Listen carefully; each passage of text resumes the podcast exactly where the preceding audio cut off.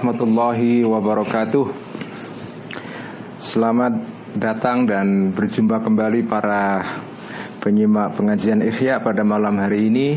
Ini adalah pengajian Ikhya seri ke-23 Kita akan membaca kitab Ikhya pada halaman 894 di dalam edisi Ikhya Darubun Hazam Atau yang punya kitab Ikhya yang uh, terdiri empat jilid edisi Darul Fikr atau Toha Putra ada pada juz ketiga halaman 18 Mari kita mulai pengajian Ikhya ini dengan menghadiahkan surah Al-Fatihah kepada muallif kitab ini. Bismillahirrahmanirrahim. Ila ruhi nabiyina wa syafiina Muhammadin sallallahu alaihi wasallam wa ila arwahil anbiya'i wal mursalin wa ila arwahil awliya'i wasyuhada'i was salihin wa ila arwahi amwatil muallifin wal musannifin khususan muallifa hadzal kitab al imam hujjat al islam Abu Hamid al Ghazali qaddasallahu sirrah wa nawwara dharihah wa ada alaina barakatihi wa nafa'na bi ulumihi wa ila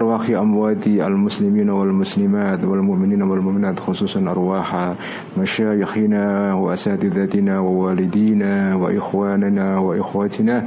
شيء لله لهم الفاتحة. أعوذ بالله من الشيطان الرجيم. بسم الله الرحمن الرحيم. الحمد لله رب العالمين. الرحمن الرحيم. مالك يوم الدين. إياك نعبد وإياك نستعين. اهدنا الصراط المستقيم. صراط الذين أنعمت عليهم غير المغضوب عليهم ولا الضالين. آمين. Bismillahirrahmanirrahim. Alhamdulillahi Rabbil Alamin. Wassalatu wassalamu ala ashrafil anbiya wal mursalin. Sayyidina wa habibina Muhammadin sallallahu alaihi wasallam Wa ala alihi wa ashabihi ajma'in. Amma ba'd. Faqala al-muallif rahimahullahu ta'ala Wa nafa'ana bihi wa bi'ulumihi fid daraini amin. Allahumma rabbi yassir wa'in. Kita pada pengajian yang lalu berhenti pada halaman 894 pada uh, paragraf yang dimulai dengan kalimat ini waqala al-hasan. Apa kabar teman-teman semua yang mengikuti pengajian Ikhya? Semoga baik-baik semua ya. Mari kita mulai pengajian Ikhya ini. Bismillahirrahmanirrahim. Waqala al-hasanu fi ba'dhi mawa'idhihi. Waqala dan berkata Waqala dan berkata Al-Hasanu Imam Hasan Al-Basri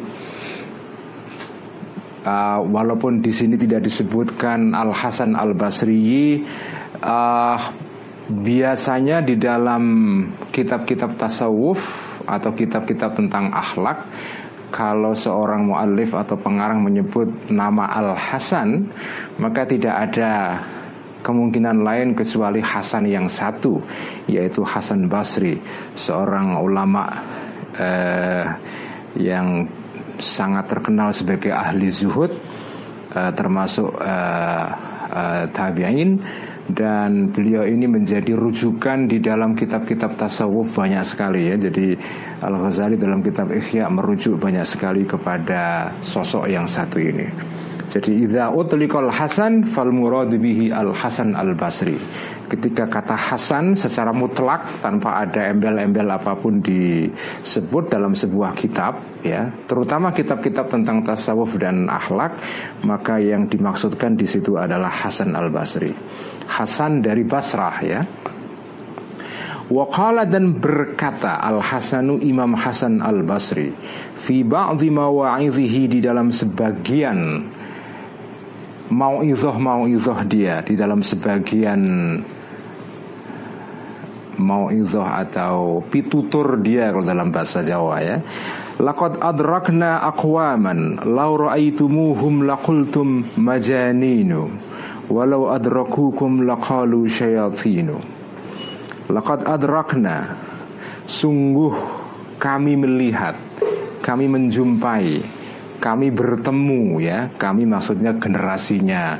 Hasan Al Basri yaitu generasi para tabiin dan tabiun tabiin yaitu generasi yang datang setelah sahabat generasi sahabat meninggal. Laqad adrakna uh, sungguh kami menjumpai bertemu akwaman orang-orang manusia-manusia. Lau ra'aitumuhum lau ya uh, Lau ra'aitumuhum jika Lau jika ra'aitumuhum. Ra'aitumu Kalian melihat hum kepada mereka tadi itu Para orang-orang itu. Jika kau melihat mereka Lakultum Maka niscaya ya. Maka niscaya kalian akan berkata Akan berkomentar. Majaninu Orang-orang itu hum majaninu ya. Orang-orang itu majaninu adalah orang-orang gila. Walau adrokukum Sebaliknya walau adrokukum Dan seandainya adroku mereka melihat Mereka orang-orang tadi itu Akwaman Kum kalian semua Walau adrokukum Dan jika mereka melihat menjumpai kum kalian semua lakalu niscaya mereka akan berkata syayatinu. Syayatinu maksudnya antum syayatinu. Kalian semua syayatinu adalah setan-setan. Jadi ini sebetulnya komentar dari Imam Hasan Al Basri untuk mendukung apa yang dikatakan atau dijelaskan oleh Al-Ghazali di dalam bagian sebelumnya yaitu di dalam bagian sebelumnya diterangkan bahwa uh, orang itu hatinya cuma satu tidak bisa atau pikirannya kalbunya kekuatan inteleknya itu terbatas. Kalau ada orang uh, punya kedalaman punya uh, perhatian yang cukup besar mempelajari mendalami ilmu-ilmu keakhiratan maka niscaya pengetahuan dia tentang ilmu-ilmu yang terkait dengan keduniaan itu lemah dan juga sebaliknya. Karena itu dalam hadis yang dikutip oleh Al-Ghazali di dalam bagian sebelumnya dikatakan ya orang-orang sebagian besar orang-orang yang masuk surga nanti itu adalah orang-orang bodoh ya Aktsaru ahlil jannati al-bulhu. Orang-orang bodoh. Maksudnya apa? Orang-orang bodoh di dalam bidang keduniaan Tetapi mereka orang-orang yang punya uh, kecerdasan Atau punya pengetahuan yang mendalam mengenai ilmu-ilmu keakhiratan. Nah terkait dengan penjelasan sebelumnya Ada penjelasan dari Imam Hasan al-Basri yang mirip-mirip dengan itu yaitu beliau mengatakan Al, Hasan Al Basri bahwa kami maksudnya kami generasinya uh, Al Hasan Al Basri menjumpai orang-orang atau pernah menjumpai orang-orang maksudnya adalah orang-orang pada generasi dia dan sebelumnya yaitu generasi para sahabat Nabi ya. Saya pernah menjumpai orang-orang yang jika kau melihat mereka maka engkau akan mengatakan orang-orang itu orang-orang gila semua. Maksudnya apa? Jadi uh, Al Hasan Al Basri kira-kira mau mengatakan bahwa kalian itu seandainya melihat generasi sahabat Nabi, maka kalian mungkin akan mengatakan bahwa para sahabat itu gila semua. Maksudnya gila pak? Mereka mereka begitu apa mencurahkan seluruh hidupnya untuk kehidupan akhirat sehingga perhatian mereka terhadap masalah dunia itu kecil sekali nyaris nggak ada. Mereka membaktikan seluruh um, apa seluruh energi waktunya um, pikirannya untuk semua untuk kehidupan akhirat untuk perjuangan maksudnya ya. Sehingga mereka nggak memperhatikan sama sama sekali masalah keduniaan. Sehingga mereka nampak seperti orang gila.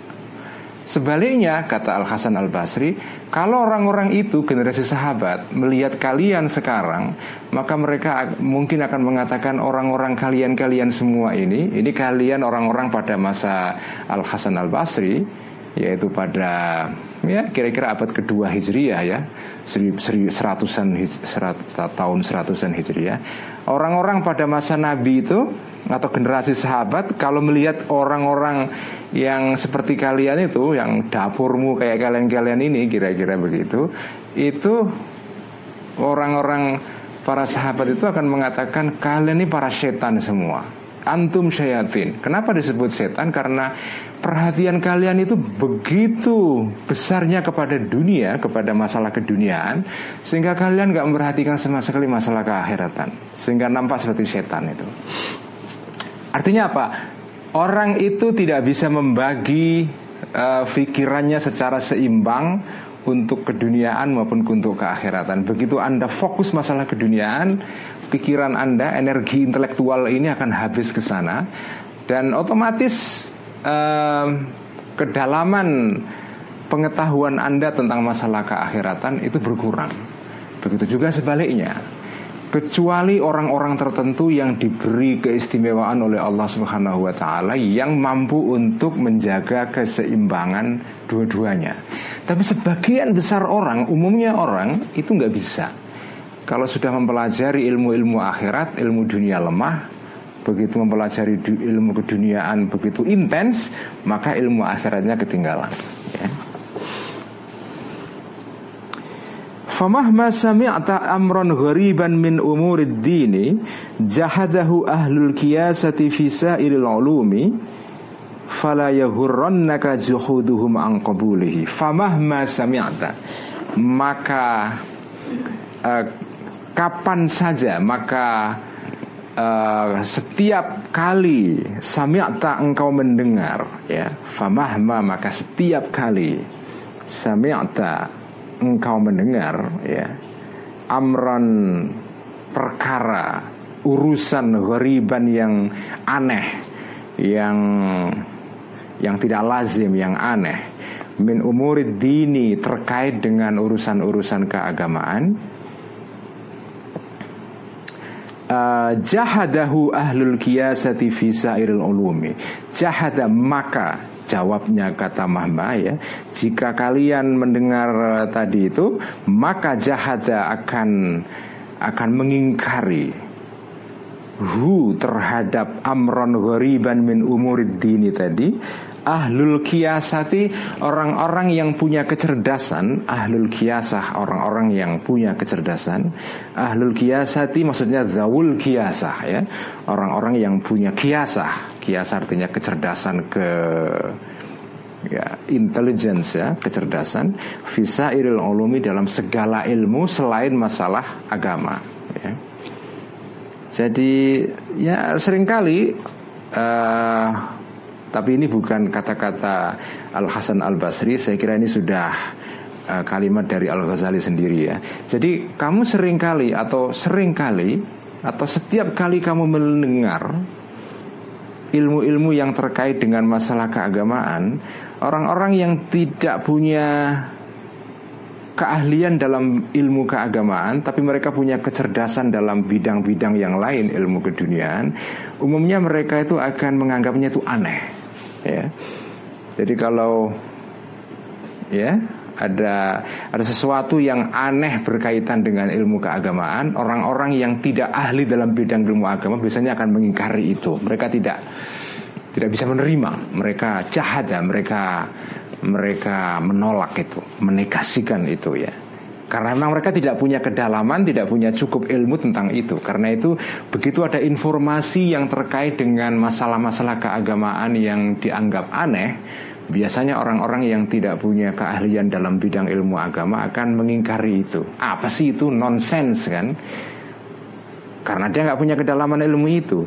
Begitu juga sebaliknya orang-orang yang tidak punya kedalaman dalam bidang-bidang ilmu keduniaan begitu mendengar informasi tentang ilmu keduniaan yang aneh, orang-orang itu juga akan mengingkari juga. Karena itu fala naka maka janganlah sekali-kali menipu ka terhadapmu ya. Fala naka maka janganlah sekali-kali menipu ka terhadapmu Juhuduhum fa'ilnya kata kerja ya hurronnaka Juhuduhum. Karena fa'il maka dibaca juhudu ya Pakai alamat uh, rafa atau dhammah Juhuduhum uh, Pengingkaran atau penolakan mereka-mereka tadi itu Yaitu ahlul kiasa Angkobulihi jangan sampai menipu atau ya menipu angkobulihi dari uh, menerima ya hi terhadap juhudihim tadi itu terhadap penolakan mereka itu. Jadi kalau ada orang menolak hal-hal yang terkait dengan ilmu agama karena dianggap hal itu aneh nggak masuk akal maka penolakan orang-orang itu jangan membuat kamu ikut-ikutan menolak juga hanya karena mereka-mereka ini pintar dalam bidang ilmu keduniaan lalu menolak dalam menolak hal-hal atau informasi pengetahuan tentang ilmu agama yang tidak masuk akal nah penolakan orang-orang itu jangan membuat kamu tertipu lalu ikut-ikutan menolak juga. Kenapa? Ya tadi itu alasan Al Ghazali adalah kalau orang ahli ilmu agama kuat dalam bidang ilmu agama, biasanya lemah dalam bidang ilmu lain. Ada orang yang kuat dalam bidang ilmu keduniaan, lemah dalam bidang ilmu agama. Kalau ada orang ahli ilmu dunia, ilmu-ilmu rasional, kemudian mereka menolak informasi dalam ilmu agama yang mereka anggap tidak masuk akal, penolakan orang-orang ini jangan sampai menipu kamu ikut-ikut menolak. Karena orang ini tidak punya pengetahuan yang cukup tentang ilmu agama. Dengan kata lain, jelasnya adalah kalau mau saya konkretkan, kalau misalnya ada orang yang seorang dokter dalam bidang ilmu fisika atau dalam bidang apa pun lah, uh, kemudian dia punya opini tentang ilmu agama yang sifatnya negatif. Kalau ada seorang dokter dalam bidang ilmu-ilmu rasional, ilmu-ilmu keduniaan, sosiologi, dokteran, fisika, astronomi atau apa pun lah. Orang-orang ini memang dokter dalam bidang-bidang ilmu itu, tapi kalau mereka beropini tentang ilmu agama, jangan sampai opini mereka itu menipu kamu mereka memang dokter dalam bidang ilmu-ilmu keduniaan, tapi mereka tidak dokter dalam bidang ilmu agama. Karena itu opini mereka jangan menipu kamu. Begitu juga sebaliknya, kalau ada orang ahli atau dokter dalam bidang ilmu agama punya opini di dalam bidang ilmu-ilmu non agama, ya jangan kamu langsung uh, tertipu dengan opini orang ini, karena tidak ada orang yang dokter dalam bidang apa pun. Dokter itu kan paling sekali saja. Orang dokter Ya kalau berkali-kali ada tapi ya mahal juga. Siapa yang punya uang untuk mencari dokter berkali-kali kan? Ya paling banyak orang dokter Setahu saya ada orang meraih dokter Bukan dokter honoris causa loh ya. Dokter beneran belajar 4-5 tahun Paling jauh tiga dokter Artinya nggak ada orang yang dokter dalam semua ilmu karena itu orang harus diperhitungkan opininya di dalam bidang yang dia ahli di situ. Karena poinnya Al Ghazali adalah ya tadi itu orang tidak bisa mendalami semua pengetahuan karena kalbunya itu terbatas. Dan Allah pun itu juga memberi pengetahuan orang sesuai dengan uh, ukuran kalbunya masing-masing orang punya ukuran sendiri-sendiri. Ada yang kalbunya ukurannya XL, ada yang L, ada yang M, ada yang S. Ya kan? Orang yang kalbunya itu apa ya super size yang, yang besar sekali sehingga bisa menampung ilmu apa saja itu itu jarang sekali. Hanya para nabi, para kekasih Allah, para orang-orang yang istimewa, orang-orang seperti Sayyidina Ali yang oleh Nabi disebut sebagai uh, apa itu babul ilm sebagai pintu atau pintu gerbangnya pengetahuan. Ya, hanya orang-orang seperti itu.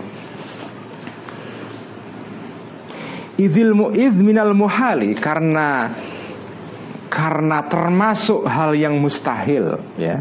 Idh minal muhali karena if maksud maknanya karena minal muhali termasuk barang yang muhal minal muhali status gramatiknya adalah khobar tapi didahulukan ya istilahnya khobar muqaddam mubtada'nya ditaruh setelahnya an yadhfaro mubtada'nya adalah an yadhfaro utawi yentom apa? Kalau dalam bahasa pesantrennya utawi yento uh, mekoleh atau memperoleh ya. Uh, izminal muhali karena sesungguh uh, karena termasuk barang mustahil an yadfaro uh, memperoleh saliku tariqil masyriki uh, penempuh jalan ke arah timur ya saliku tariqi al masyriki penempuh jalan ke arah timur memperoleh apa? Bima. Jadi kata bima ta'aluknya adalah dengan fi'il yadfara bima dengan sesuatu atau memperoleh terhadap sesuatu. Kata bima bi kata apa preposisi atau uh, partikel bi itu artinya memang secara harfiah dengan tetapi di sini lebih tepat dimaknai terhadap ya bima terhadap memperoleh bima terhadap sesuatu yujadu yang dijumpai fil maghribi di dalam di, di di barat. Jadi kalau ada orang menuju ke timur, ya dia dapat ilmu-ilmu atau hal-hal yang ada di timur. Tapi dia kehilangan ilmu yang di barat Begitu juga sebaliknya Muhal atau nyaris mustahil orang kalau pergi ke timur Dapat sesuatu yang ada di timur dan di barat sekaligus jadi nggak bisa dua-duanya karena kalbu manusia itu terbatas. Fakadzalika maka begitulah ya jeri berlaku amrud dunia perkara-perkara dunia wal akhirati dan akhirat. Begitulah masalah akhirat dan masalah dunia. Dua-duanya itu saling menegasikan. Kalau Anda ngurusi dunia, akhiratnya ketinggalan. Ngurusi akhirat, dunianya ketinggalan.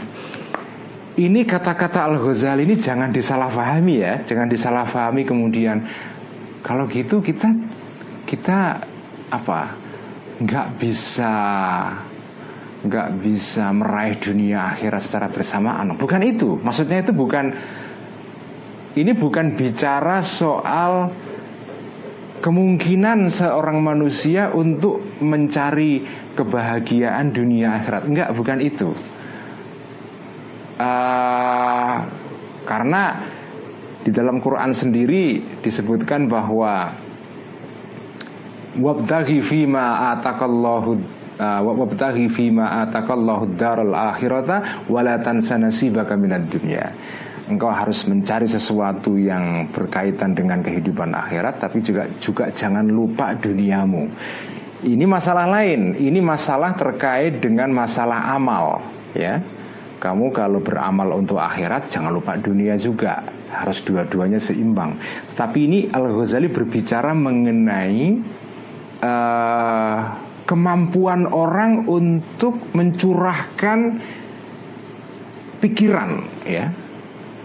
Kalau kamu ingin mendalam dalam satu bidang, otomatis resikonya kamu kurang mendalam dalam bidang yang lain. Gak mungkin orang itu bisa mendalam dalam semua hal. Jadi harus kamu harus milih. Kamu mau cari apa? Ilmu kedokteran? Ya sudah kalau kau nyari ilmu kedokteran dengan sendirinya kau tidak akan punya pengetahuan yang cukup dalam bidang-bidang yang lain. Kalau kau mau mencari uh, titel doktor atau sekolah sampai level doktor untuk ilmu-ilmu teologi atau keagamaan ya kamu tidak punya pengetahuan yang mendalam dalam bidang fisika ataupun astronomi ataupun yang lain. Jadi kamu harus milih. Pada akhirnya kamu tidak bisa menjadi pinter mendalam sekali dalam semua hal. Jadi ini konteks pembicaraan Al Ghazali itu tidak terkait dengan tadi itu ayat wabtaghi fima atakallahu daral akhirah wala tansa nasibaka minad dunya. Ayat tadi ada tempatnya sendiri. Pembahasan Al-Ghazali di sini itu tempatnya beda ya. Kalau ini kamu campur adukkan nanti orang akan atau kamu punya pandangan yang keliru seolah-olah ya sudah kalau saya beramal untuk akhirat saya nggak peduli dengan dunia atau saya beramal untuk masalah keduniaan saya akan lupakan akhirat. Bukan begitu maksudnya ya. Walidzalika karena itulah qala berfirman Allah taala innalladzina la yarjuna liqa'ana waradu bil hayatid dunya watma'annu biha. Innalladzina sesungguhnya orang-orang la yarjuna yang tidak berharap liqa'ana uh, terhadap menjumpai aku terhadap berjumpa dengan aku Allah maksudnya. Waradu bil hayati dunia waradu dan mereka merasa puas ya bil hayati dengan kehidupan dunia yang dekat dengan kehidupan sekarang dunia ini. Watma'annu dan merasa komplesen atau tenang atau puas biha dengan dunia. Orang-orang semacam ini ya uh, ini kan ayat ini berbicara tentang dua keadaan yang tidak bisa di dikombinasikan atau digabungkan sekaligus. Ada orang-orang yang kepingin ketemu aku, ya, tetapi dia juga hatinya terikat dengan masalah keduniaan dan merasa puas dengan itu. Mana mungkin terjadi, nggak bisa. Jadi ayat ini ditafsirkan oleh Al Ghazali. Lagi-lagi ini ini adalah satu contoh Al Ghazali punya penafsiran tertentu terhadap ayat ini karena dikutip dalam konteks pembahasan ini ya. Jadi ada orang-orang yang kepingin meraih eh, meraih eh, keberuntungan di dalam kehidupan akhirat nanti, tetapi mereka tidak mau membayar harganya.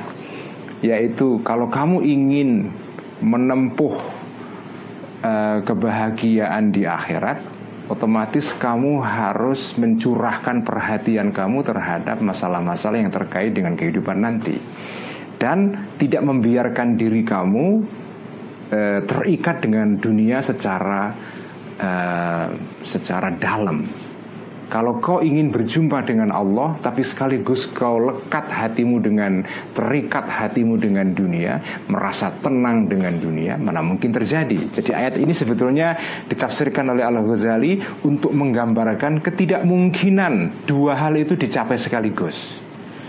Kamu ingin Mendapatkan ridho Allah Tetapi kamu tidak mau melepaskan diri dari keterikatan dengan dunia. Kalau kau terikat dunia ya sudah kau dapat dunia. Tapi kalau kau terikat dengan Allah Kau harus meninggalkan keterikatan terhadap dunia ini Gak bisa kau menggabungkan dua-duanya Gak mungkin Karena kalbu manusia itu terbatas kemampuannya Waqala ta'ala dan Allah berfirman juga Ya'lamuna zahiran minal hayatid dunya Wahum anil akhirati hum ghafilun. Ya'lamuna Mereka tahu zahiran terhadap sesuatu yang nampak Minal hayati dari kehidupan ad-dunya yang dekat Yaitu kehidupan dunia. Wahum dalam keadaan ya ini hal status gramatiknya wahum hale utawi wong wong mau ya kalau bahasa pesantrennya dalam keadaan mereka mereka itu ghafiluna lupa atau hum wahum anil akhirati hum ghafilun. Ghafiluna lupa anil akhirati dari kehidupan akhirat ya jadi uh, ada orang-orang yang ya hatinya terikat dengan dunia dan mereka lupa terhadap akhirat. Jadi ayat ini sekali lagi juga menggambarkan situasi yang sama. Gak bisa orang itu menggabungkan dua hal tadi itu. Wa qala azza wa jalla dan berfirman Allah azza wa jalla fa'arid an man tawalla an dzikrina yurid illa al hayatad dunya. Fa'arid maka maka maka tinggalkanlah ya fa'arid maka tinggalkanlah engkau wahai Muhammad ini adalah Allah berbicara kepada Nabi Fa'arid maka tinggalkanlah engkau wahai Muhammad Aman terhadap orang-orang tawalla yang berpaling An dari mengingat aku. Berpalinglah engkau Muhammad Tinggalkanlah orang-orang yang berpaling dariku. Walam yurid dan mereka tidak menginginkan Illal hayat dunia Kecuali kehidupan dunia Zalika hal tadi itu mablahuhum adalah uh, adalah capaian terjauh mereka mablahuhum adalah uh, ya tempat terjauh yang mereka bisa capai minal ilmi dari pengetahuan. Jadi ayat-ayat ini dikutip oleh Imam Ghazali untuk tadi itu menunjukkan bahwa orang tidak bisa mendapatkan dua hal sekaligus. Kalau kamu mencurahkan dalam hal akhirat, dunia kamu ketinggalan kau mencurahkan hal terhadap hal-hal yang bersifat keduniaan, akhirat kamu juga ketinggalan. Nah, sekarang tinggal pilih kamu mau pilih dunia atau pilih akhirat ya. Nah, kalau kau memilih akhirat, maka ya curahkanlah seluruh pikiran dan hatimu dan uh, energi intelektualmu untuk belajar ilmu-ilmu tentang keakhiratan. Ini adalah sekali lagi berbicara tentang bagian dari um, kondisi kalbu manusia. Ingat ya, ini semua pembicaraan masih di dalam rangka uh, kitabu ajaibil qalbi, kitab tentang keajaiban-keajaiban atau situasi-situasi tentang situasi-situasi kalbu manusia. Nah, salah satunya ya ini, kalbu manusia itu terbatas ya. Fal jam'u maka kesimpulannya Fal jam'u maka mengkombinasikan baina kamalil istibsori Antara kesempurnaan penglihatan atau istibsor itu susah kata ini diterjemahkan ya al istibsor itu ya secara garis besar artinya penglihatan kesempurnaan insight atau penglihatan batin. Ini bukan penglihatan mata tapi penglihatan batin ya. Fal jam'u maka menggabungkan baina kamalil istibsari antara kesempurnaan penglihatan fi masalihid dunia tentang kemaslahatan-kemaslahatan dunia wadini dan agama sekaligus ya. Kamu bisa mempunyai kedalaman penglihatan intelektual di dalam dua bidang sekaligus dunia dan akhirat. Itu layakadu nyaris tidak mungkin ya layakadu nyaris tidak mungkin saru menjadi mudah illa kecuali liman bagi orang? Rosaho yang diberikan kedalaman.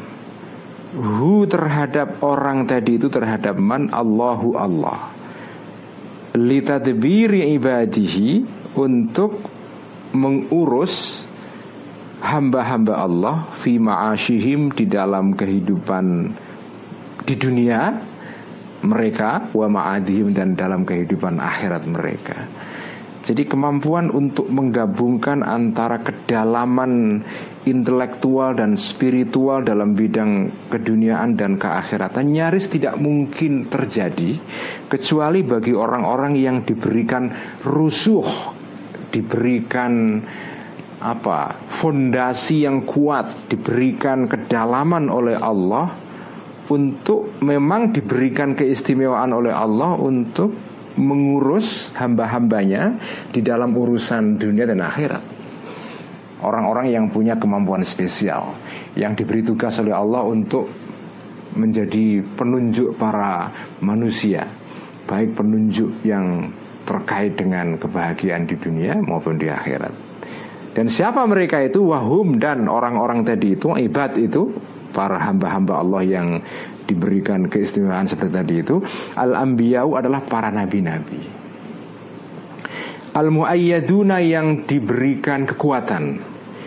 Al-muayyaduna yang diberikan kekuatan biruhil kudusi dengan roh kudus. Maksudnya dengan kekuatan spiritual ya. Atau malaikat Jibril atau Ya kalau nabi-nabi itu diberikan kekuatan dalam bentuk diberi wahyu melalui malaikat Jibril yang disebut dengan Ruhul Kudus. Ruhul Kudus itu kalau di dalam tradisi Kristen artinya beda dengan dalam tradisi Islam ya. Uh, dalam tradisi Islam ruh, ruh kudus itu biasanya diidentikan dengan malaikat Jibril ya Birohil kudusi dengan diberi kekuatan Birohil kudusi dengan roh yang suci Roh kudus. Al-mustamidduna Al-anbiya tadi itu Al-muayyaduna Al-mustamidduna. Ini sifah terhadap kata anbiya. Al-mustamidduna yang Mendapatkan ya Yang mendapatkan pertolongan. Al-mustamidduna yang mendapatkan eh, pertolongan minal quwati dari kekuatan al-ilahiyati yang bersifat ketuhanan. Allati tattasi'u yang yang memuat ya kekuatan tadi allati tattasi'u yang memuat kekuatan tadi itu li jami'il umuri terhadap segala sesuatu. Wala tadhiqu dan tidak menjadi sempit uh, kekuatan ilahiyah tadi itu anha dari perkara-perkara dari umur tadi itu. Jadi orang-orang yang punya kemampuan spesial itu adalah para nabi-nabi ya yang diberikan kekuatan khusus di diberikan pertolongan oleh Allah berupa wahyu dan diberikan kekuatan ketuhanan ya dan dengan kekuatan itu atau mereka mendapatkan pertolongan berupa kekuatan ilahiyah yang bisa karena kekuatan ini sifatnya ilahiyah dia bisa menampung segala pengetahuan dunia dan akhirat bisa dua-duanya. Itulah para nabi-nabi yang diberikan keistimewaan oleh Allah Subhanahu wa taala. Kalau manusia biasa tidak bisa. Fa'amma qulubu sa'ilil khalqi adapun kalbunya semua makhluk, semua orang-orang manusia, fa innaha maka sesungguhnya qulubu sa'iril khalqi idza ketika uh, idza istaqallat ketika ketika apa mencurahkan sepenuhnya kata istaqalla itu artinya adalah um, apa menguasai sesuatu secara monopolistik. Itu artinya istaqalla jadi kalau misalnya anda saya apa menguasai buku ini untuk diri saya sendiri misalnya maka dalam bahasa Arab Anda mengatakan uh, istaklal tu bihadal kitab. Aku menguasai buku ini untuk diriku sendiri. Itu kata istaqallabi ya Idza ketika mengkhususkan diri atau mencurahkan diri uh, Failnya kembali kepada qulub Bi amrid dunia dengan perkara dunia maka insarafat menjadi uh, apa menjadi insarafat maka memalingkan ya maka terpaling insarafat maka terpaling kulub tadi itu kalbu kalbi tadi itu anil akhirati dari masalah keakhiratan wa qasurat dan menjadi berkurang menjadi tidak sampai anil istiqmali dari meraih kesempurnaan, meraih excellence fiha di dalam akhirat. Jadi kalau kalbunya semua manusia selain Nabi ya ketika dia mencurahkan diri dalam bidang keduniaan akhiratnya ketinggalan dan begitu juga sebaliknya. Ini adalah apa? sifat dari kalbu manusia ya seperti diterangkan oleh Al Ghazali. Baik, sekarang kita masuk ke bab berikutnya yang saya kira menarik sekali. Ini bab tentang ini kita belajar kitab Ihya tetapi temanya jadi jadi mengembang ke mana ke mana-mana dan ke sana kemari karena Al Ghazali ini ya orang yang pengetahuannya banyak sekali sehingga kitab Ihya ini kita pelajari uh, kalau kita pelajari seperti kita belajar tentang banyak hal. Sekarang kita berbicara tentang perbedaan antara wahyu, ilham dan ilmu yang biasa, ya. Apa itu wahyu, apa itu ilham, apa itu ilmu yang yang bukan ilham, ya. Ini tema ini akan menarik bagi teman-teman yang kepingin mengkaji tentang tema-tema epistemologi ya atau dasar-dasar pengetahuan. Ini menarik sekali. bayanul farqi bainal ilhami wa ta'allumi wal farqi baina tariqis sufiyyati fi istiksyafil haqqi wa tariqin nuzzari bayanul farqi keterangan tentang perbedaan bainal ilhami antara ilham antara uh, ya ilham apa ilham ya? Ilham bahasa Indonesia anda sudah tahu. Wa ta'alumi dan belajar. Jadi belajar melalui proses akademis yang biasa ya. Melalui buku ada guru ada ujian ada kurikulum ada silabus ya. Ada sekolahnya, ada titelnya itu ta'alum ya, belajar yang sifatnya akademis. Kalau ilham itu adalah belajar yang prosesnya non akademis. Tuhan mengirim pengetahuan kepada kamu langsung tidak melalui proses yang sifatnya akademis. Apa perbedaan antara ilham dengan ta'alum? Nanti akan dijelaskan oleh Al-Ghazali. Wal farki dan perbedaan baina tariqis sufiyati antara jalan para sufi-sufi fistiksyafil haqqi di dalam mengungkap kebenaran, kasunyatan, truth ya, kebenaran yang yang sesungguhnya, kebenaran yang mendasar. Apa perbedaan antara jalan para sufi untuk menyingkap kebenaran, hakikah atau hak, watarikin nudzari dan jalan orang-orang filosof, orang para ahli fikir ya. Bacanya an-nudzar, jangan an-nazar. Kalau kata kalau Anda baca an-nazar itu menjadi uh, apa yang disebut dengan sihot mubalaghah ya. Orang yang banyak berpikir itu nazar.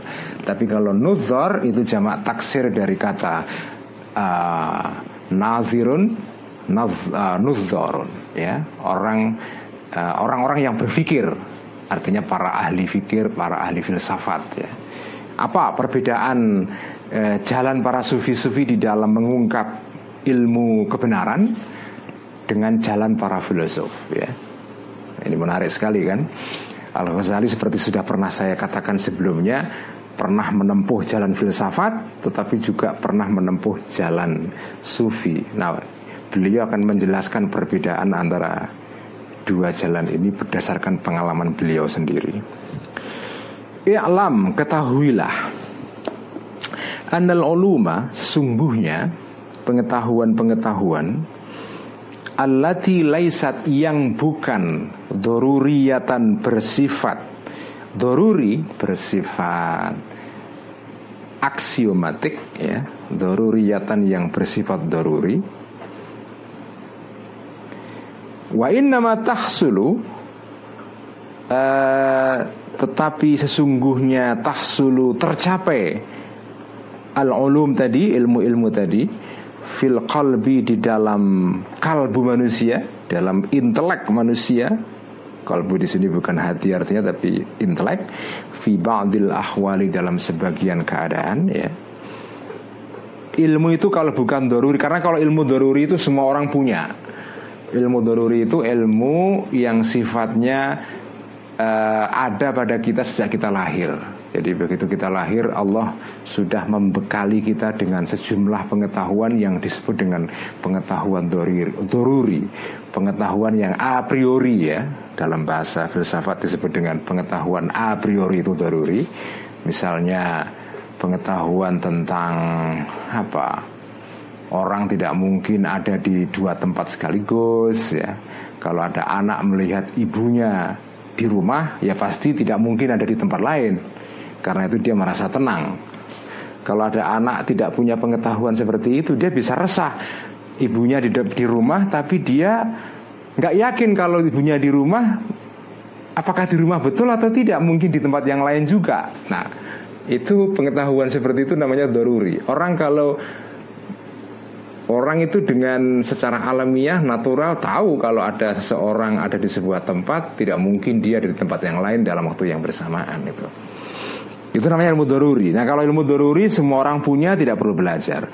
Nah ilmu-ilmu yang bukan doruri ya, tetapi ilmu yang tercapai di dalam intelek manusia di dalam keadaan-keadaan tertentu ya, maka ilmu seperti itu takhtalifu berbeda-beda al-halu keadaannya fi husulia di dalam tercapainya ilmu semacam tadi itu ilmu yang bukan doruri itu ada gradasi, ada perbedaan-perbedaan tingkatan. Dan juga dalam apa kondisinya beda-beda. Fataratan maka maka maka dalam satu kali dalam satu saat ya. Fataratan maka di dalam satu saat status gramatiknya tarotan di sini adalah zorof ya. Fataratan maka pada satu saat tahjumu uh, apa terjemahan yang tepat ya? Tahjumu menyerang. Datang secara apa secara mendadak itu tahjumu ya. Seperti serangan musuh.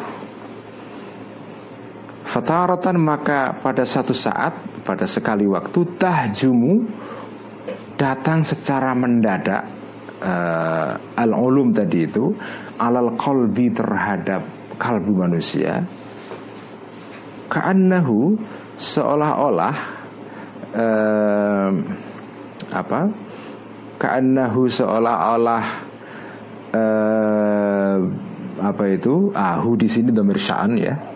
Ka'annahu seolah-olah keadaan berikut ini ulkia dilemparkan apa itu? Atau ka'annahu sesungguh atau seperti seolah-olah al-madhkur minal ulum mestinya ka'annahu ini kembalinya kepada ul-ulum sehingga seharusnya ka'annaha.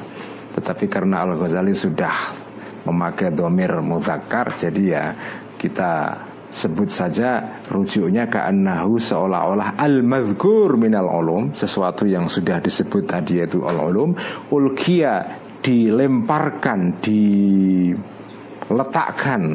fihi di dalam al-qalbu min haitsu la yudra min haitsu dari dari apa itu tempat la yudra yang tidak diketahui. Jadi kadang-kadang pengetahuan itu datang secara mendadak di dalam kalbu manusia tanpa diketahui dari mana asal usulnya. Inilah ilham atau wahyu ya. Wataratan dan sekali waktu, wataratan dan sekali waktu, tuktasabu diperoleh al ulum tadi itu bitorikil istidlali dengan jalan uh, apa itu dengan jalan pengambilan kesimpulan ya bitorigil istidlali dengan jalan deduksi atau ya deduksi wa ta'alumi dan belajar Istidlal itu bisa deduksi, bisa induksi dua-duanya dengan jalan penalaran ya. Wa ta'alumi dan belajar. Jadi ilmu kadang-kadang ada yang melalui proses belajar step by step langkah demi langkah. Ada ilmu itu yang datang mendadak seperti serangan musuh tiba-tiba kita nggak tahu dari mana asal usulnya. Ujuk-ujuk ilmu itu sudah ada di dalam pikiran kita. Dan saya kira semua orang ya pernah mengalami kedua pengalaman ini. Ini pengalaman yang sebetulnya universal terjadi pada semua orang. Saya yakin teman-teman yang ikut menyimak pengajian ini juga pernah mengalami itu kan Pasti sampean semua pernah belajar di sekolah, tapi juga pernah satu ketika mengalami pengalaman tiba-tiba ada nggak ada hujan, nggak ada angin, ada pengetahuan datang. Oh, maksudnya begini toh. Nah, itu kan sering kan? Yang di dalam bahasa Inggris disebut dengan aha moment atau eureka apa? Wah, oh maksudnya itu begitu toh. Itu yang dalam Al-Quran disebut dengan hikmah ya Ilmu tentang kebijaksanaan. Ilmu-ilmu yang seperti itu juga ada. Dan ilmu seperti itu nggak bisa dipelajari di sekolah nggak ada sekolahnya itu kematangan hiduplah yang membuat orang tiba-tiba punya punya pengetahuan yang tadi itu tahjumu itu apa? Ini bahasa yang dipakai oleh Al-Ghazali bagus sekali. Ilmu yang datang seperti serangan musuh mendadak ya. Saya suka sekali dengan ekspresi ini yang dipakai oleh Al-Ghazali ini. Tahjumu alal qalbi. Ilmu yang datang seperti serangan musuh yang mendadak. Tiba-tiba dan kita nggak bisa menolak Ilmu yang seperti ini, ini disebut dengan ilham ya. Itu kalau sudah datang nggak bisa ditolak. Eh, gimana ya nggak bisa ya? Udah datang datang aja. Dan biasanya orang kalau mengalami pengetahuan yang seperti ini akan mengalami kebahagiaan yang luar biasa, kebahagiaan yang nggak tergambarkan ya. Kalau pengetahuan yang melalui al istidlal wa ta'allum belajar ada ujiannya, ada tesnya, ada ujian disertasi itu melelahkan, kadang bosenin, nggak membahagiakan sama sekali ilmu yang semacam ini ya. Tapi ya orang nggak bisa melepaskan dari dari dua jalan ini. Kalau kamu kamu hanya menggantungkan diri pada ilham saja, ya ilham itu datanya nggak bisa di nggak bisa ditunggu. Kadang-kadang datang, kadang-kadang enggak ya tetap harus ada ta'alum tapi juga ada ilham dua-duanya itu. Falladhi maka maka ilmu yaksulu yang tercapai. La bitoriqil iktisabi tidak melalui jalan belajar. Wahilatid dalili dan kiat argumen ya.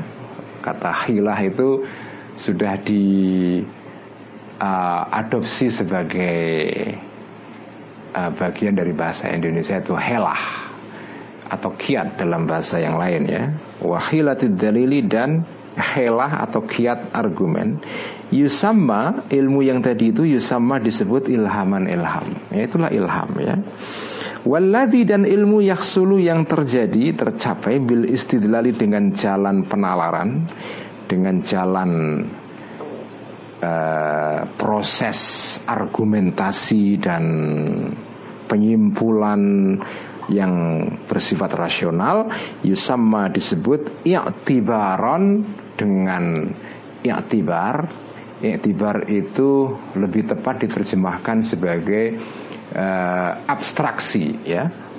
I'tibaron abstraksi wastibsaron dan konseptualisasi ya istibsar penglihatan melalui pikiran saya sebut itu sebagai konseptualisasi. Jadi ilmu itu ada yang namanya ilham ada yang namanya i'tibar wastibsar istilah yang ini istilah semua yang diciptakan oleh Ghazali ini. Ilmu yang bersifat rasional disebut dengan ilmu i'tibar dan istibsar Uh, ini ini istilah yang khas Al Ghazali. Saya jarang menjumpai istilah ini dipakai oleh para ulama yang lain ya.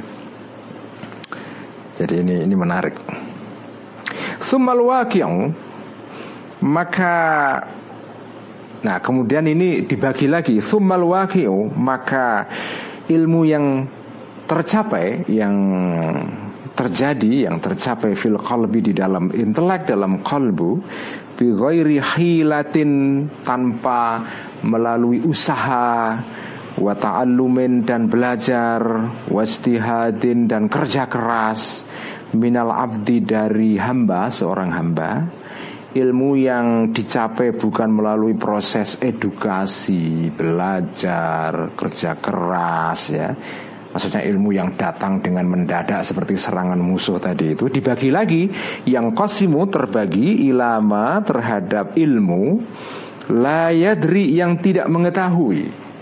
Al abdu seorang hamba annahu sesungguhnya uh, domir sya'an ini annahu sesungguhnya kelakuan sesungguhnya keadaan berikut ini kaifa? Bagaimana hasola tercapai ilmu tadi itu lahu bagi abdu bagi hamba tadi itu. Wamin aina dan dari mana hasolah tercapai ilmu tadi itu ya. Itu yang pertama. Jadi ilmu yang tercapai yang bisa diperoleh hamba tanpa melalui usaha belajar dibagi dua.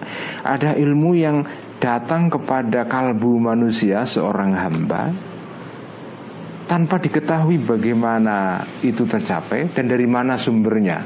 Ujuk-ujuk datang begitu saja wa ilama dan terbagi kepada ma ilmu yattali'u yang mengetahui hamba tadi itu ma'ahu bersama ilmu tadi itu alas sababi terhadap sebab sumber alladzi minhu yang dari sumber tadi itu dari sebab tadi itu istafada memperoleh seorang hamba tadi itu zalikal ilma ilmu tadi itu jadi ada ilmu ilham atau ilmu yang datang secara mendadak seperti serangan musuh tadi itu dibagi dua. Ada ilmu yang datangnya nggak diketahui dari mana sumbernya. Ada yang kita tahu sumbernya dari mana memang mendadak datangnya tapi kita tahu dari mana sumbernya jadi ada dua jenis itu ya wahua uh, wahua dan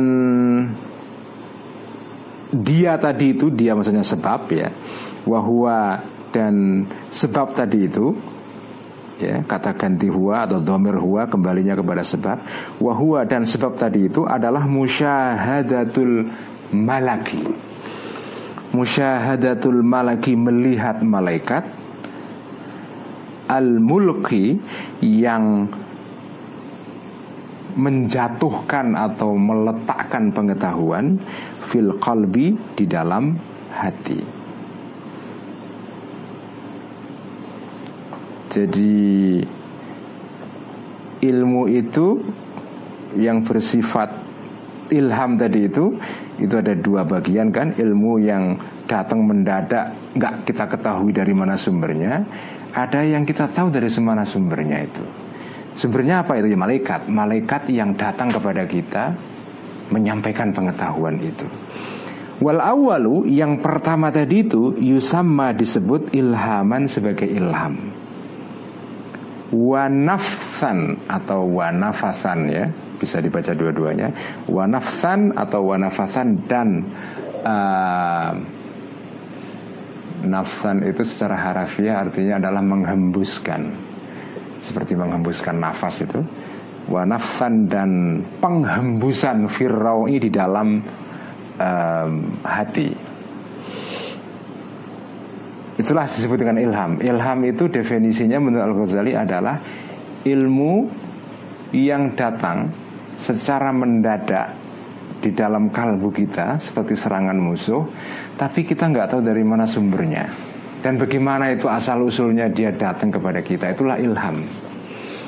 Itu disebut dengan ilham dan penghembusan di dalam hati kita. Jadi seolah-olah ilmu ini dihembuskan oleh Allah di dalam kalbu kita secara mendadak dan kita nggak tahu dari mana asal usulnya ujuk-ujuk datang begitu saja itulah ilham jadi ilham jadi ilham itu adalah ilmu yang datang kepada kita tanpa kita ketahui prosesnya. Itu ilham ya. Dan memang begitu kan? Orang itu kalau mendapatkan ilham itu nggak ngerti. Kok tiba-tiba saya punya pengetahuan begini dari mana ini? Ya. Itu itu rahasia misterius. Ilham itu misterius ya Wathani dan yang kedua Yusama disebut wahyan wahyu. Nah yang kedua Itu disebut wahyu.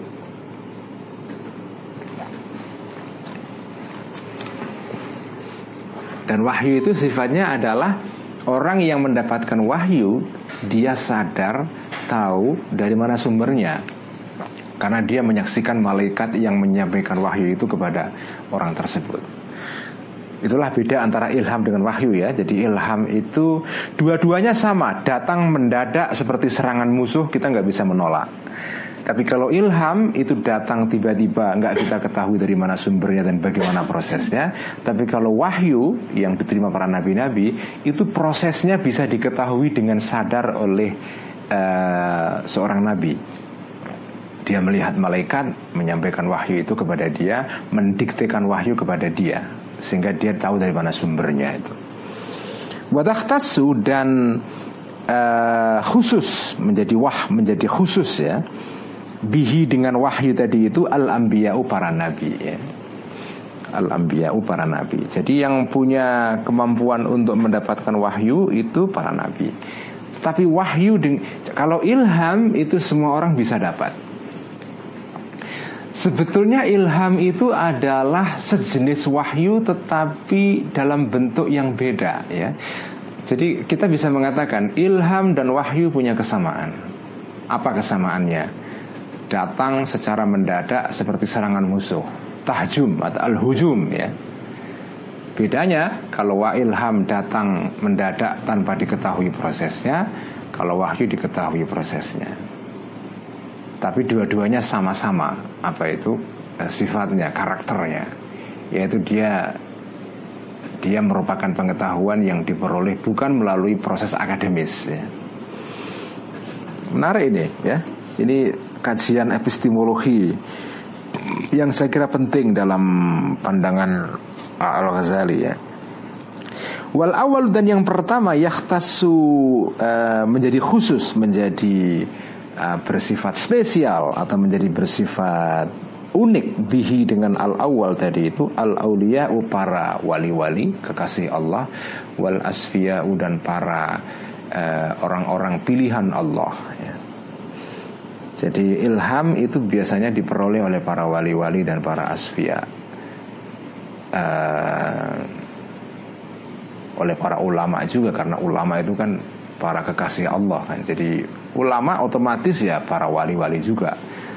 Meskipun tidak semua ulama ya ulama dengan kualitas tertentu ya itu mereka dapat ilham dari Allah. Karena itu ada sebuah hadis yang terkenal al ulama'u warathatul anbiya. Ulama itu adalah pewaris para nabi. Nabi itu era kenabian di dalam pandangan Islam selesai sudah setelah Nabi Muhammad gak mungkin ada nabi lagi setelah itu ya tetapi ilmu yang mirip dengan wahyu itu tidak berhenti. Wahyu berhenti, nggak mungkin lagi ada wahyu. Tetapi ilmu yang sejenis dengan wahyu itu tetap ada sampai sekarang. Apa itu ilham?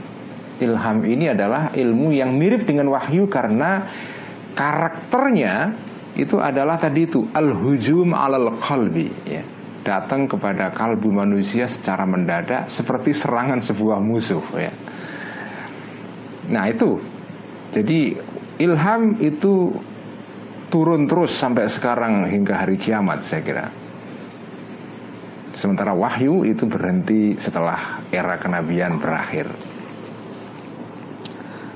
tetapi karena ulama itu adalah pewaris para nabi, sebetulnya ilham yang diterima para ulama itu ya sejenis pengetahuan yang dimiliki para nabi, cuma lebih rendah uh, levelnya ya. Jadi inilah perbedaan antara ilham dengan ta'allum Nah nanti kita akan membaca keterangan tentang perbedaan antara jalan para sufi dengan jalan para ahli filsafat Nanti akan kita baca Sempro apa Ines ya?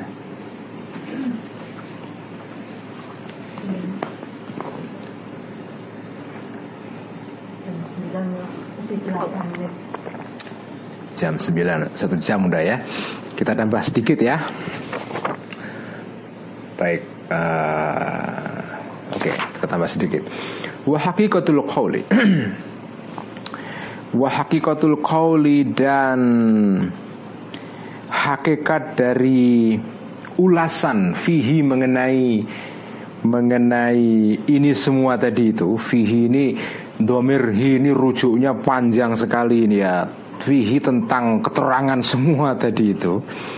Jadi esensi atau apa uh, kesimpulan tentang ini semua tadi itu ya adalah ini annal qalba sesungguhnya kalbu manusia musta'idun uh, siap ya musta'idun siap li'an tanzalia untuk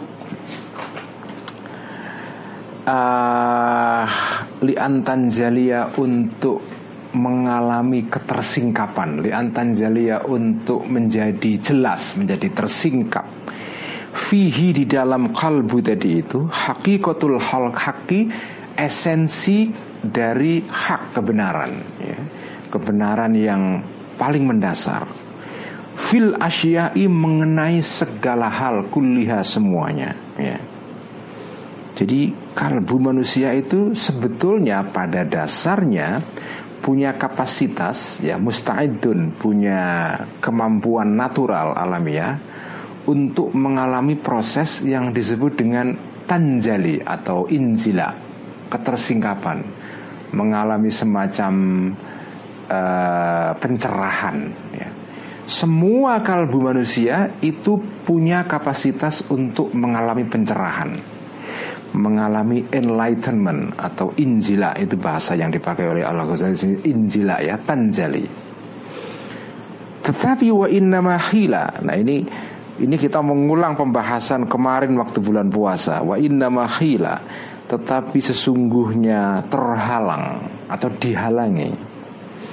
Wa inna mahila dan sesungguhnya dihalangi bainahu antara kalbu manusia wa bainaha dan antara hakikatul hak tadi itu bil asbabi karena sebab-sebab al khamsati yang lima allati sabako yang telah terdahulu zikruha keterangan mengenai al-asbab al-khamsah tadi itu. Jadi hati manusia atau kalbu manusia pada dasarnya secara alamiah punya kapasitas untuk menerima hakikatul hak, kebenaran dari uh, hak ya, esensi kebenaran tentang segala sesuatu tentang kebenaran yang radikal tentang segala hal itu punya kemampuan itu. Cuma ada kondisi-kondisi di mana kalbu tidak bisa menerima itu karena terhalang. Ada lima sebab yang sudah disebutkan sebelumnya itu ya. Saya nggak akan mengulang lagi. Fahia maka uh, al asbab tadi itu sebab-sebab yang lima tadi itu itu uh, statusnya atau uh, apa uh, analoginya adalah tamsilnya itu kal hijabi seperti hijab, seperti penghalang, seperti penutup. Al musdali yang diletakkan ya, yang di apa isdal itu kata asdala yusdilu secara harafiah itu adalah anda apa me, rolling down. Apa itu rolling down tembayanas ya? Menurunkan uh, korden. Jadi korden diturunin supaya menutup jendela itu namanya isdal ya. Ma, apa? Kalau bahasa Jawanya itu ngelembreh ke yang orang-orang Jawa mungkin paham ngelembreh no apa? Meletakkan sesuatu ke bawah apa? Ya itu. Korden diletakkan supaya terjun ter terjuntai ke bawah. Apa terjulur ke bawah. Itu namanya isdal ya. Menjulurkan uh, korden. Kok bahasanya aneh sekali kayak orang Melayu kuno menjulurkan. Yaitu nama al isdal us, al, al, al isdal itu makna harafinya itu menjulurkan sesuatu ke bawah. Kal hijabi seperti hijab al musdali yang dijulurkan ke bawah. Al haili yang menghalang baina mir'atil qalbi di antara cermin kalbu, kalbu yang seperti cermin. Ini kalau dalam balaghah disebut uh, idhafatul apa itu uh, musyabbah bihi ilal musyabbah ya. Jadi mengidofahkan musyabbah beh dengan musyabbahnya Musyabbahnya al-qalbu Kalbu yang seperti cermin ya wa bainal lauhil mahfudhi dan antara loh mahfud antara tablet Allah al mahfudhi yang terjaga loh mahfud ya. Tempat pengetahuan di atas sana yang yang menjadi storage atau apa penyimpanan semua pengetahuan di dunia ini. Semacam cloud ya. Kalau bahasa IT sekarang. Alladzi huwa yang loh mahfud tadi itu mangkusun diukir bijami ima dengan segala hal kodo yang memutuskan Allahu Allah bihi dengan ma dengan barang tadi itu ila yaumil kiamat sampai hari kiamat. Loh mahfud yang menjadi pusat atau tempat penyimpanan semua uh, kodok dan kodar keputusan dan ketetapan Allah Subhanahu Wa Taala sampai kiamat. Jadi kalbu itu pada dasarnya bisa menerima segala hakikat segala sesuatu Cuma kadang-kadang terhalang oleh lima sebab yang sudah diterangkan sebelumnya Jadi sebab ini seperti semacam korden yang menghalangi antara cermin hati dengan sumber pengetahuan yang namanya lauh mahfud ya di atas sana. Uh,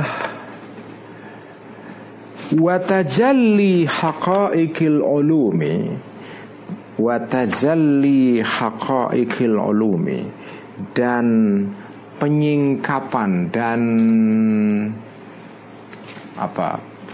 Tajalli itu proses menjadi terang benderang itu tajalli watajalli jami'il ulumi dan watajalli haqa'iqil ulumi dan ketersingkapan hakikat segala ilmu min mir'atil lauhi dari cermin tablet atau lauh mahfud di atas fi mir'atil qalbi di dalam cermin hati. Jadi ada cermin di atas ada cermin di bawah. Cermin di bawah itu adalah kalbu manusia cermin di atas itu adalah loh mahfud.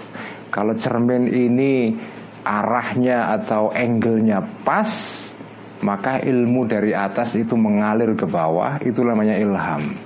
Tapi kalau cermin kita ini angle-nya nggak pas ya sehingga sinyalnya itu tidak kuat ya akhirnya ilmu nggak nyampe ke kita.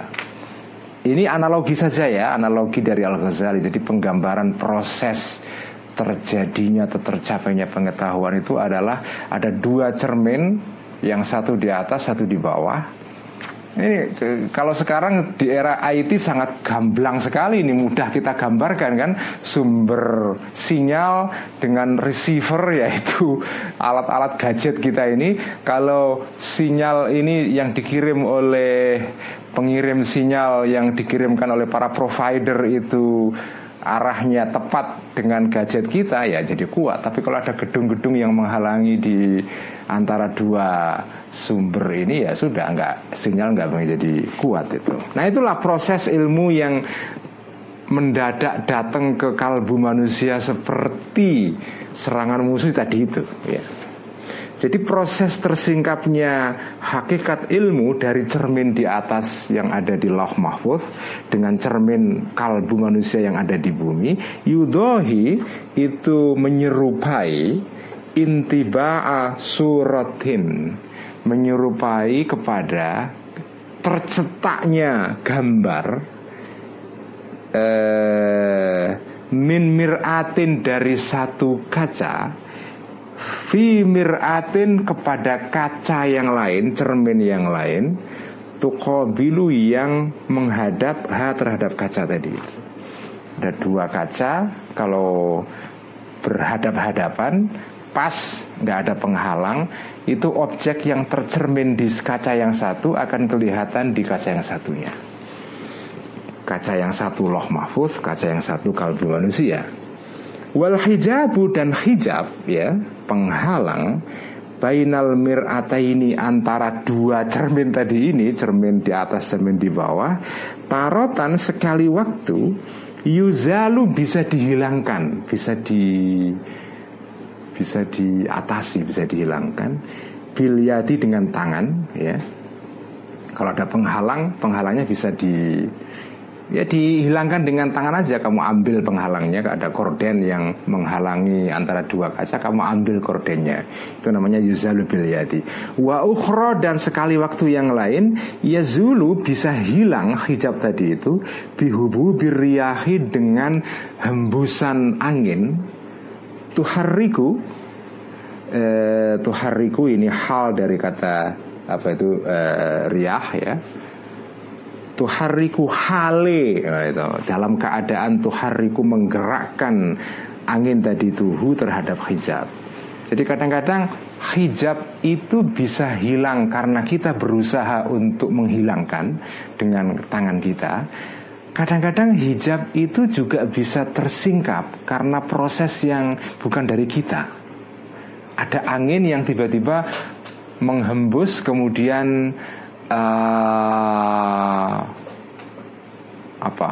Ma, apa itu? Ma, ya terus kemudian menyingkapkan korden tadi itu. Korden yang semula menghalangi antara dua cermin ada angin kemudian korden itu ter, terhembus lalu tersingkir ya. Itu proses yang tidak datang dari kita jadi hijab itu bisa kita hilangkan dari dari usaha kita sendiri. Ada yang kadang-kadang tersingkap karena proses yang bukan dari kita pertolongan dari Allah misalnya. Wakadzalika begitu juga ya. Kotahabu ya. Kadang-kadang berhembus. Riyahul altofi angin-angin um, altof itu kemurahan Allah ya al altof itu artinya kemurahan Allah di dalam bentuk ilmu yang diberikan kepada kita itu altof ya. Ilmu yang lembut yang subtil ya. Riyahul altofi angin-angin uh, kemurahan Allah. Watang kashifu dan menjadi tersingkap.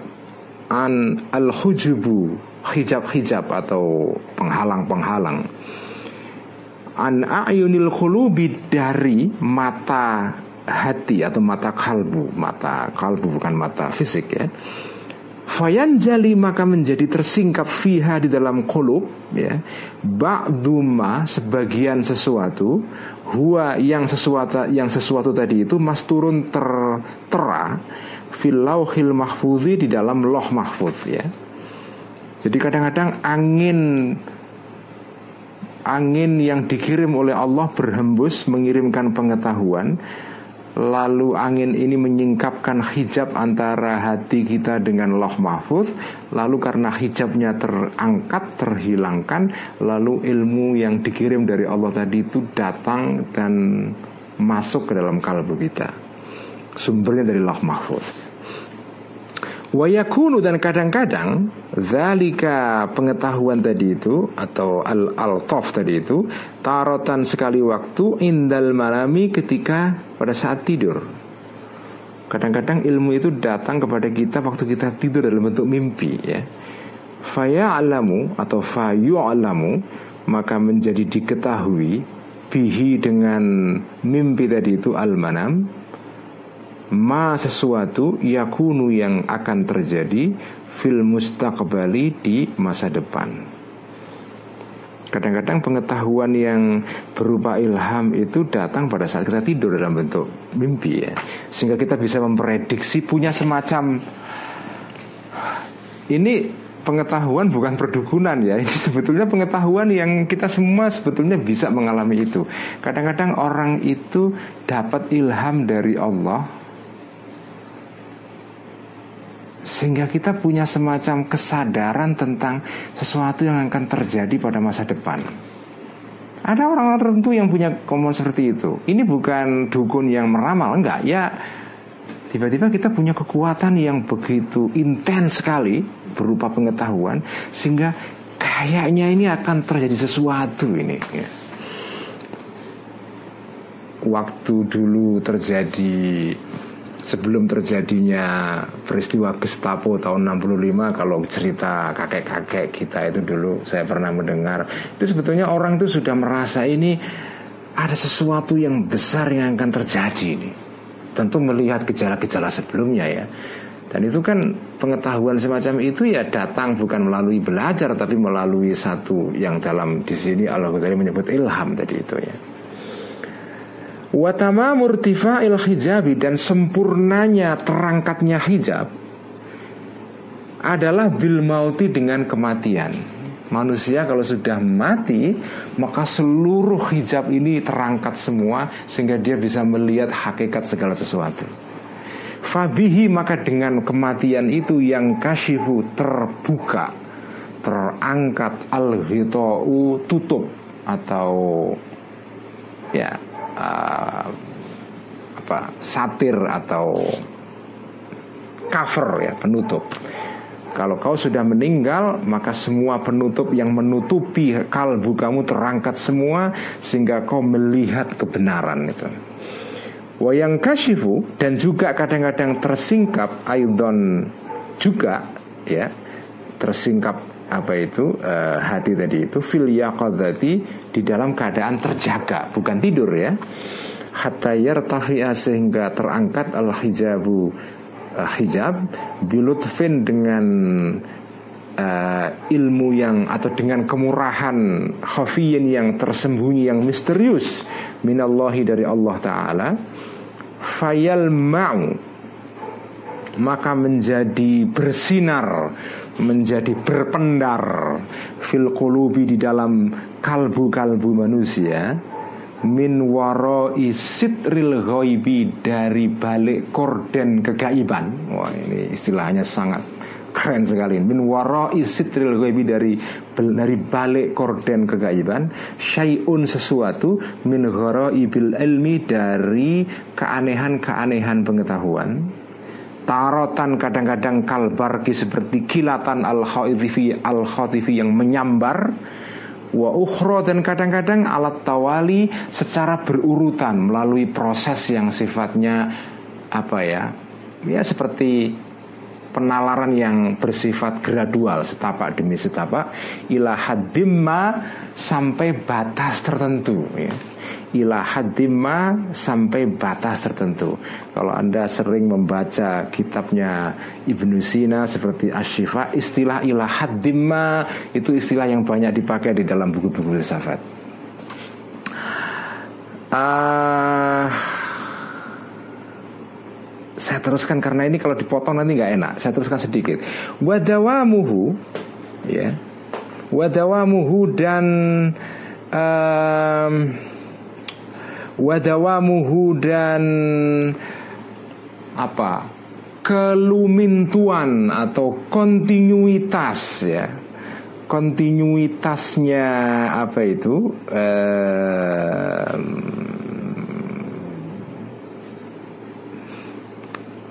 kontinuitasnya.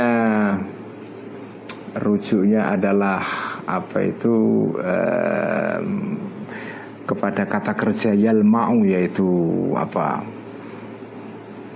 Kontinuitas uh, ilmu yang datang berpendar seperti sinar ke dalam hati kita ya.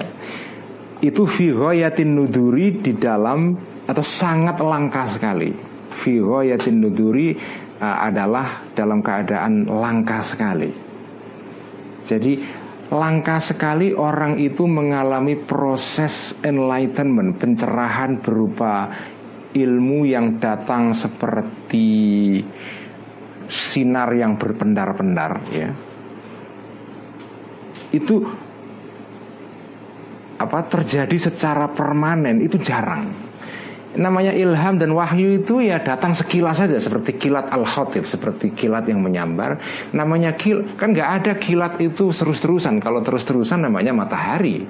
Tapi kalau kilat yaitu dia datang seperti kilat menyambar sekilas saja bisa hilang. Itulah namanya ilham dan wahyu. Wahyu dan ilham itu seperti kilat yang datang secara sebentar saja. Nggak ada orang yang mengalami proses pewahyuan itu terus menerus namanya ya kalau begitu ya, ya nggak kan rasanya nggak mungkin terjadi deh. Nah, nabi aja menerima wahyu juga nggak selamanya kan. Ada ada waktu-waktu tertentu di, di mana nabi menerima wahyu. Wahyu nggak datang setiap saat ya. Nggak kuat juga manusia mengalami peristiwa atau pengalaman ilham dan wahyu itu terus-terusan bisa gila itu. Jadi datangnya itu secara apa intermittent, secara apa itu uh, selang-seling ya, tidak terus-terusan. Uh, falam yufarik maka tidak menjadi berbeda al ilhamu ilham. Ilham tidak berbeda al iktisaba terhadap ilmu yang diperoleh dengan belajar. Fi nafsil ilmi di dalam uh, hakikat ilmunya sendiri. Wala fi mahallihi dan tidak di dalam tempatnya ilmu wala sabab wala fi sababi dan tidak di dalam sebabnya ilmu ya.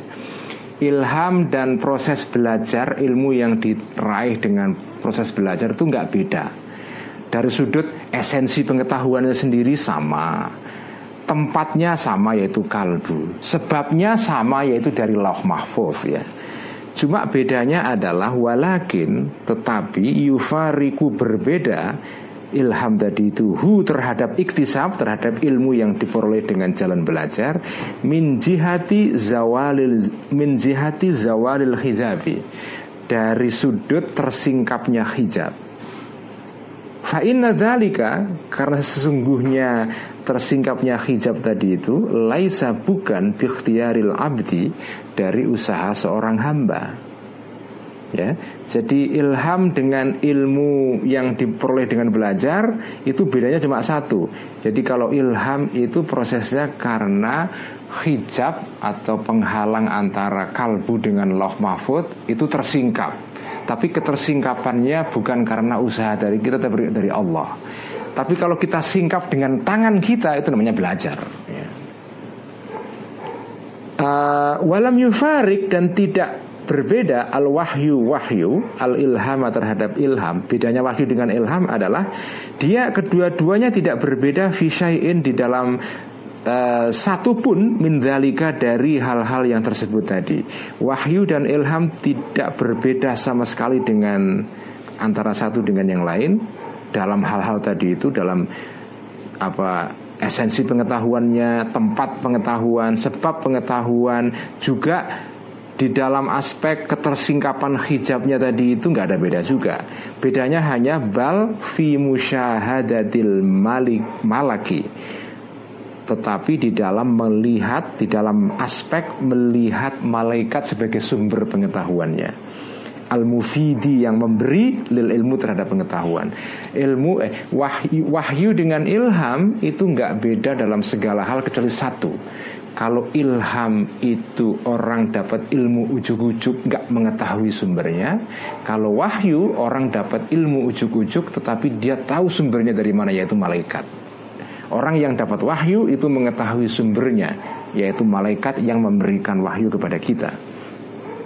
Fa innal ilma karena sesungguhnya ilmu innama yahsulu sesungguhnya tercapai fi qulubina di dalam kalbu-kalbu kita biwasitotil malaikati dengan lantaran atau dengan eh, perantaraan para malaikat.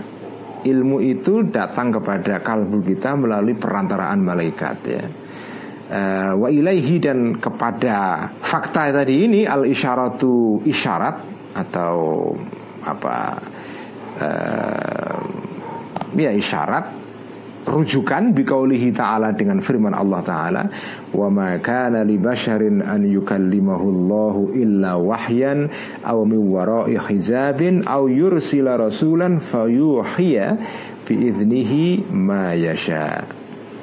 Wa ma kana li basharin dan tidak mungkin bagi seorang manusia an yukallima untuk diajak bicara hu terhadap manusia tadi itu Allahu oleh Allah illa wahyan kecuali berupa wahyu au min warai hijabin atau dari balik hijab au yursila atau Allah mengutus rasulan seorang utusan fayuhiya maka memberikan wahyu, menyampaikan wahyu utusan tadi itu biiznihi dengan izin Allah ma memberi wahyu apa ma tentang sesuatu yasha'u yang Allah kehendaki.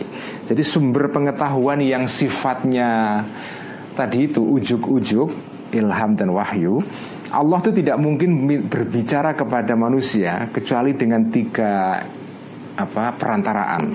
Pertama adalah melalui wahyu. Wahyu itu adalah proses penyampaian pengetahuan secara ujuk-ujuk ya itu wahyu. Um, atau kata wahyan di sini mungkin bisa disebut dengan ilham ya yaitu memberikan wahyu secara ujuk-ujuk tanpa kita ketahui sumbernya. Atau min hijabin atau dari balik hijab ya. Um, atau Allah mengirim seorang utusan berupa malaikat lalu memberikan wahyu. Inilah yang disebut dengan wahyu tadi itu. Wahyu yang sesungguhnya ya ini dalam definisi Al-Ghazali yaitu orang mendapatkan ilmu yang ujuk-ujuk tapi orang itu tahu sumbernya yaitu melihat malaikat yang menyampaikan wahyu tadi itu. Jadi inilah inilah tiga jalan atau tiga perantaraan eh, di mana Allah berbicara kepada manusia ya melalui ilham melalui eh, apa ya melalui pembicaraan dari balik hijab ini seperti yang dialami oleh Nabi Musa dulu ketika diajak bicara oleh Allah di apa itu uh, ketika menyelesaikan apa meditasi atau menyepi selama 40 hari di apa di Sinai atau mengirim seorang malaikat lalu menyampaikan wahyu ya Inilah epistemologi atau teori pengetahuan menurut Al-Ghazali yang saya kira bisa menjadi uh, apalah ya pengetahuan yang menarik sekaligus ini menjelaskan kepada kita bagaimana proses Allah itu mengirim pengetahuan kepada kalbu manusia ya. Sekian pengajian Ikhya pada malam hari ini Mohon maaf karena agak sedikit lama ya Tapi semoga bermanfaat Sampai berjumpa di minggu depan. Sekian, wassalamualaikum warahmatullahi wabarakatuh.